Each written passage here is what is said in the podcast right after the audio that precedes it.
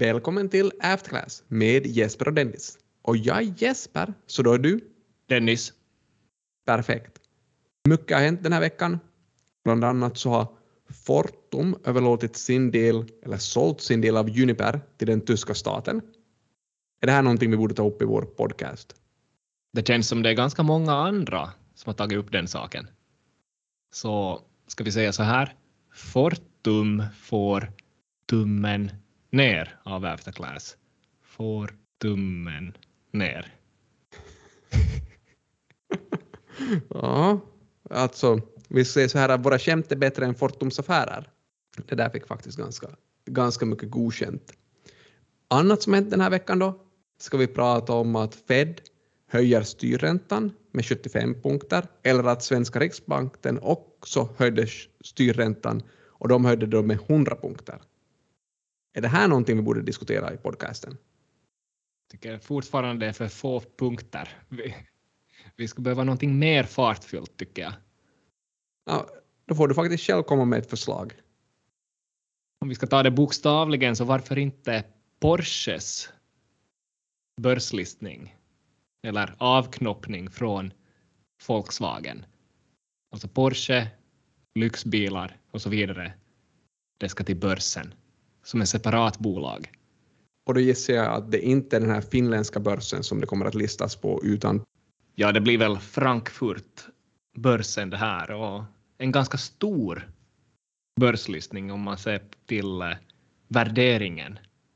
Vad pratar man om här? Nästan 75 miljarder euro ska det här bolaget vara värt. Man blir lite chockad när man hör de här siffrorna. För jag trodde faktiskt inte att Porsches IPO skulle ha det extrema börsvärdet. Så det är en stor börslistning det här handlar om och det här var ju då en avknoppning från Volkswagen. Och hur Porsche från början hamnade i Volkswagen var faktiskt att Volkswagen tog bort Porsche från börsen i början på 2000-talet. För tidigare så var också Porsche ett börslistat företag.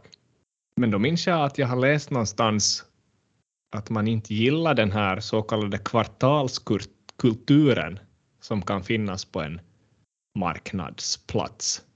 Så det här kanske du läste i Wagenhofers artikel som publicerades 2014 i den här journalen Journal of Accounting Research.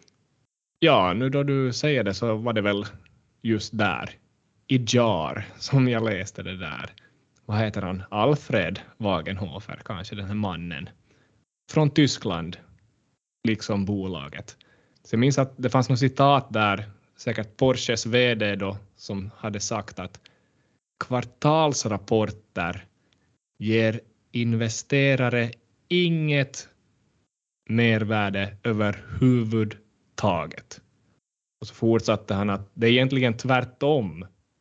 En sån här ögonblicksbild av ett företags verksamhet och lönsamhet så menar han kan resultera i starka fluktuationer i aktiepriset till exempel, vilket kan förstöra aktiens fortsatta framtid och i vissa fall också ha en väldigt negativ inverkan på företagets interna beslutsfattande. Så han menar liksom att reaktionen på kvartalsrapporter som kan ibland vara negativ kan göra att företagarna vill massera de här rapporterna så pass mycket att man kanske gör dåliga beslut inne i företaget. Och det här var då åsikterna från Porsches VD Wendelin Weidenking. Uttalar man det faktiskt sådär? Jag tror han vänder sig i graven om han är död. Så den här uttalandet av Porsches VD är ju någonting som gjorde att vi kanske blev intresserade av att studera effekterna av rapporteringsfrekvens. Och vi är ju bekanta med den här litteraturen och i den här litteraturen så visar man faktiskt saker som är ganska långt i linje med det här uttalandet från Porsches VD.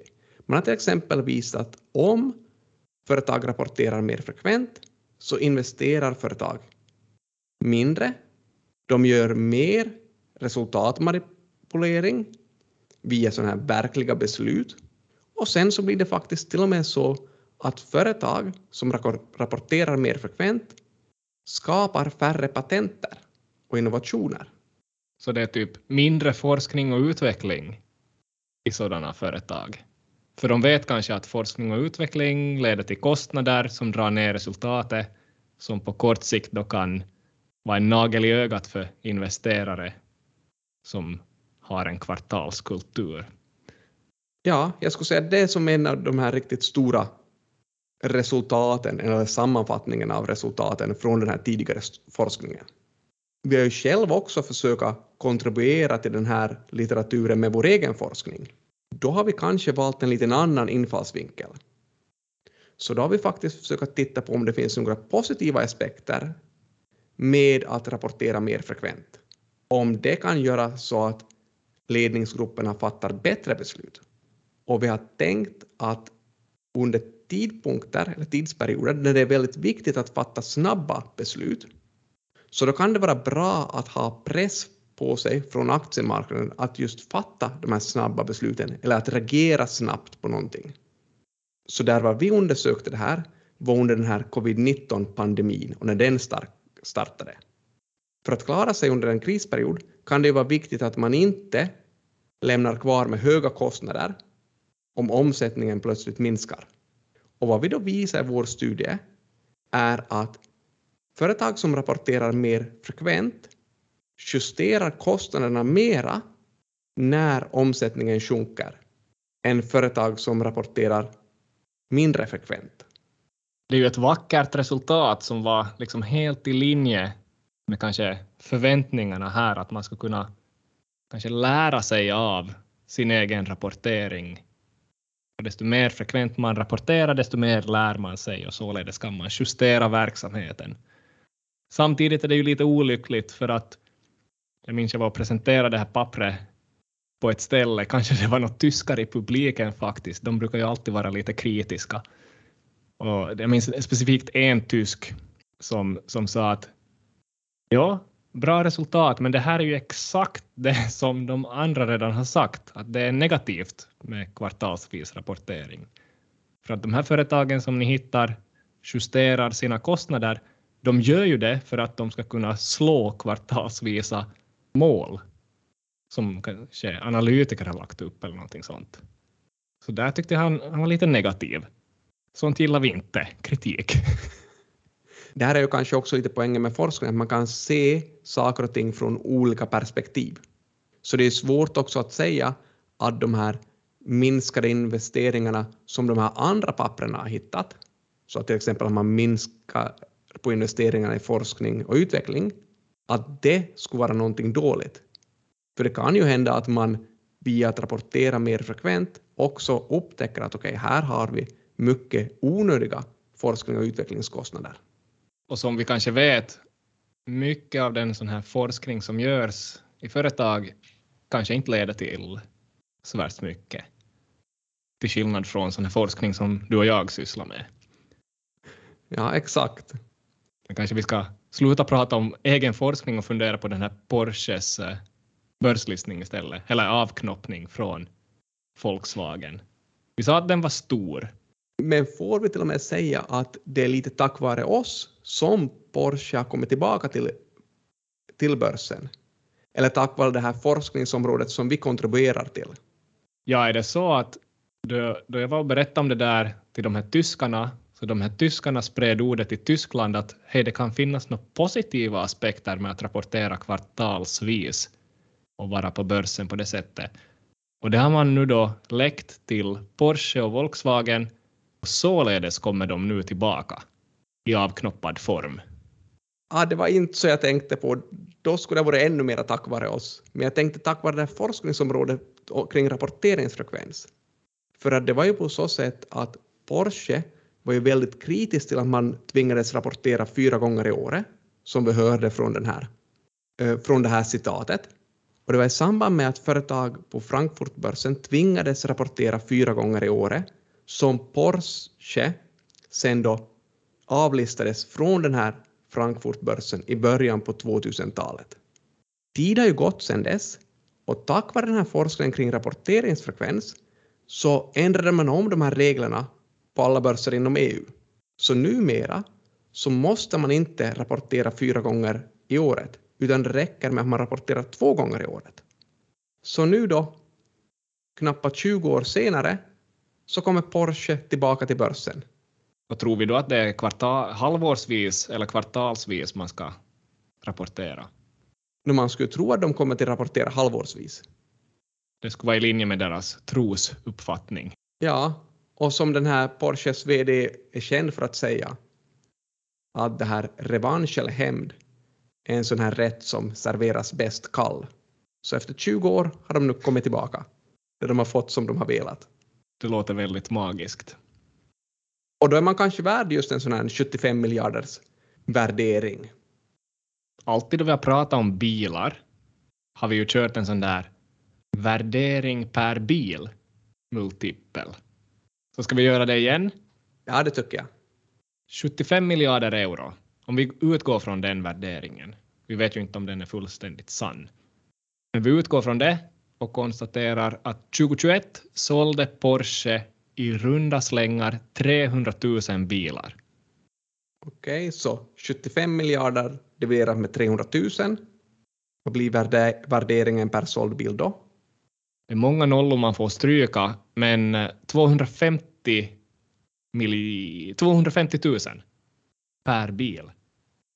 Ja, inte vet jag vad man ska säga. Kanske det känns rimligt. Vad kostar en Porsche?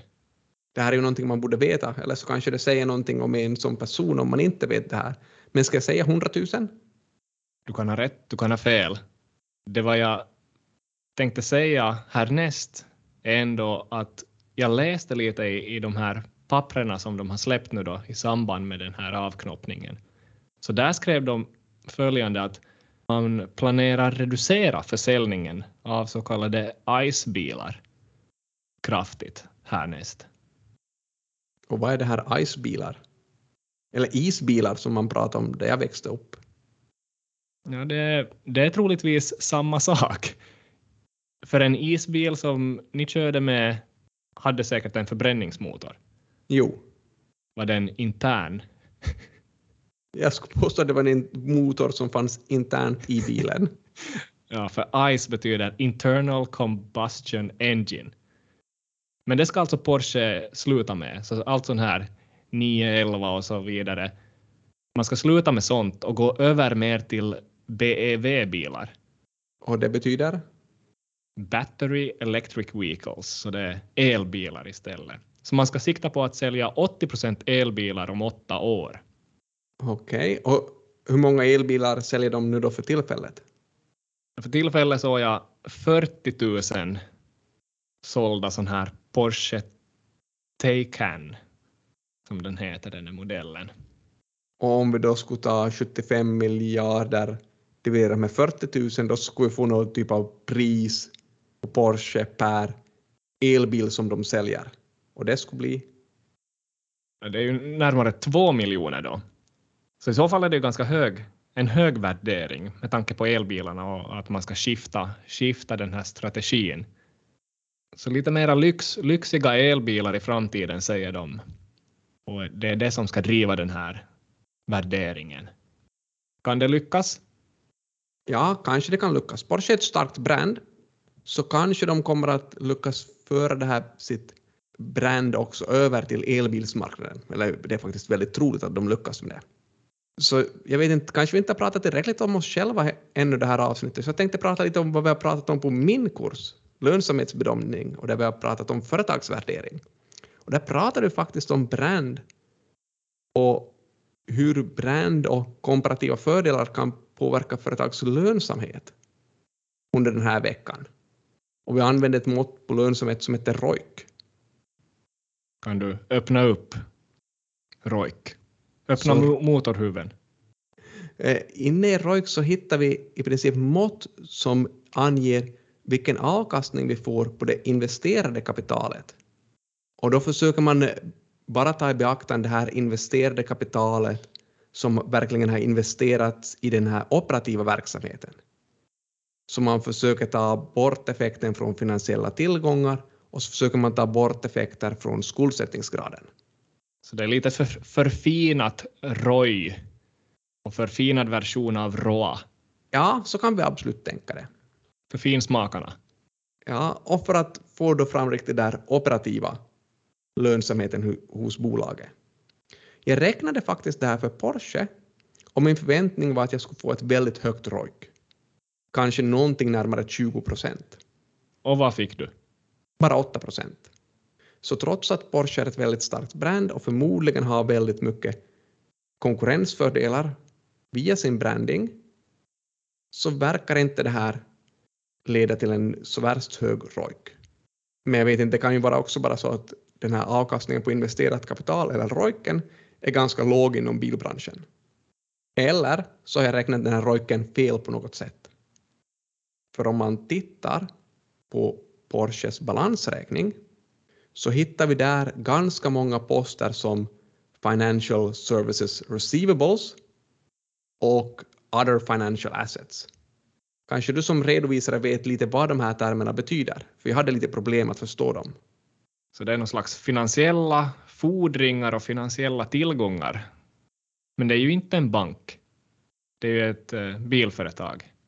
Men är det så då att Porsche också i princip lånar ut pengar till sina kunder för att de ska ha råd att köpa den här Porschen? Det kunde ju vara en förklaring till det här. Att således har man tillgångar likt en bank skulle kunna ha på sin balansräkning. åtminstone när jag räknade den här ROICen, eller avkastningen på investerat kapital, så försökte jag få bort effekten från de här finansiella posterna. Men jag ser också från Porsches resultaträkning att de här finansiella posterna har en effektiv effekt på resultatet. Så kanske är det här ROIC, ROICen som jag har räknat lite låg eftersom att den inte tar i beaktande här att Porsche också gör pengar på att låna ut pengar till sina kunder så de ska ha råd att köpa en Porsche-bil. Det låter inte helt, helt orimligt det där. Om vi lite går vidare men kanske fortsätter i att prata om Tyskland och tyska företag och bankliknande företag så det var ju total skandal då jag öppnade Netflix häromdagen. Och vad bestod den här totala skandalen av? Det hade ju kommit en ny dokumentär som hette Skandal. Och det var en tysk, i princip en tysk serie då. Som handlar om den här tyska skandalen Wirecard. Så det här tyska betalningsföretaget, eller betalningsförmedlaren, Exakt. Vi har ju pratat om det där någon gång. Det får ju riktigt överstyr år 2020 i det där företaget. Som mest hade man ju ett marknadsvärde på 24 miljarder. Men sen börjar folk ifrågasätta ett och annat i det där företaget och det kom väl fram att 2 miljarder saknades från balansräkningen. Eller det fanns 2 miljarder på balansräkningen men det fanns ingen täckning för det. Och det borde ha varit rena pengar på något bankkonto. Men då det kom fram att det var borta rämnade fasaden och det blev en total skandal. Så det här kan ju vara ett litet tips om man är intresserad av sådana här saker som vi pratar om här. tyska börslistade bolag, eller vad tänkte du? Nej, att gå och se på den där skandal och försöka lära sig någonting, någonting av den. Alternativ två skulle ju vara att gå till vårat, är det avsnitt två, då vi också pratar om Wirecard. Så kanske vi ger en läxa, någonting som våra lyssnare ska göra till nästa vecka. Och det skulle då vara att titta på den här skandalserien, eller är det en film, Eller Och- dokumentär. eller dokumentär, och lyssna på vårt avsnitt nummer två. Ja, det tycker jag låter som en utmärkt idé. Då avslutar vi här och fortsätter nästa vecka med nya insikter i After Class.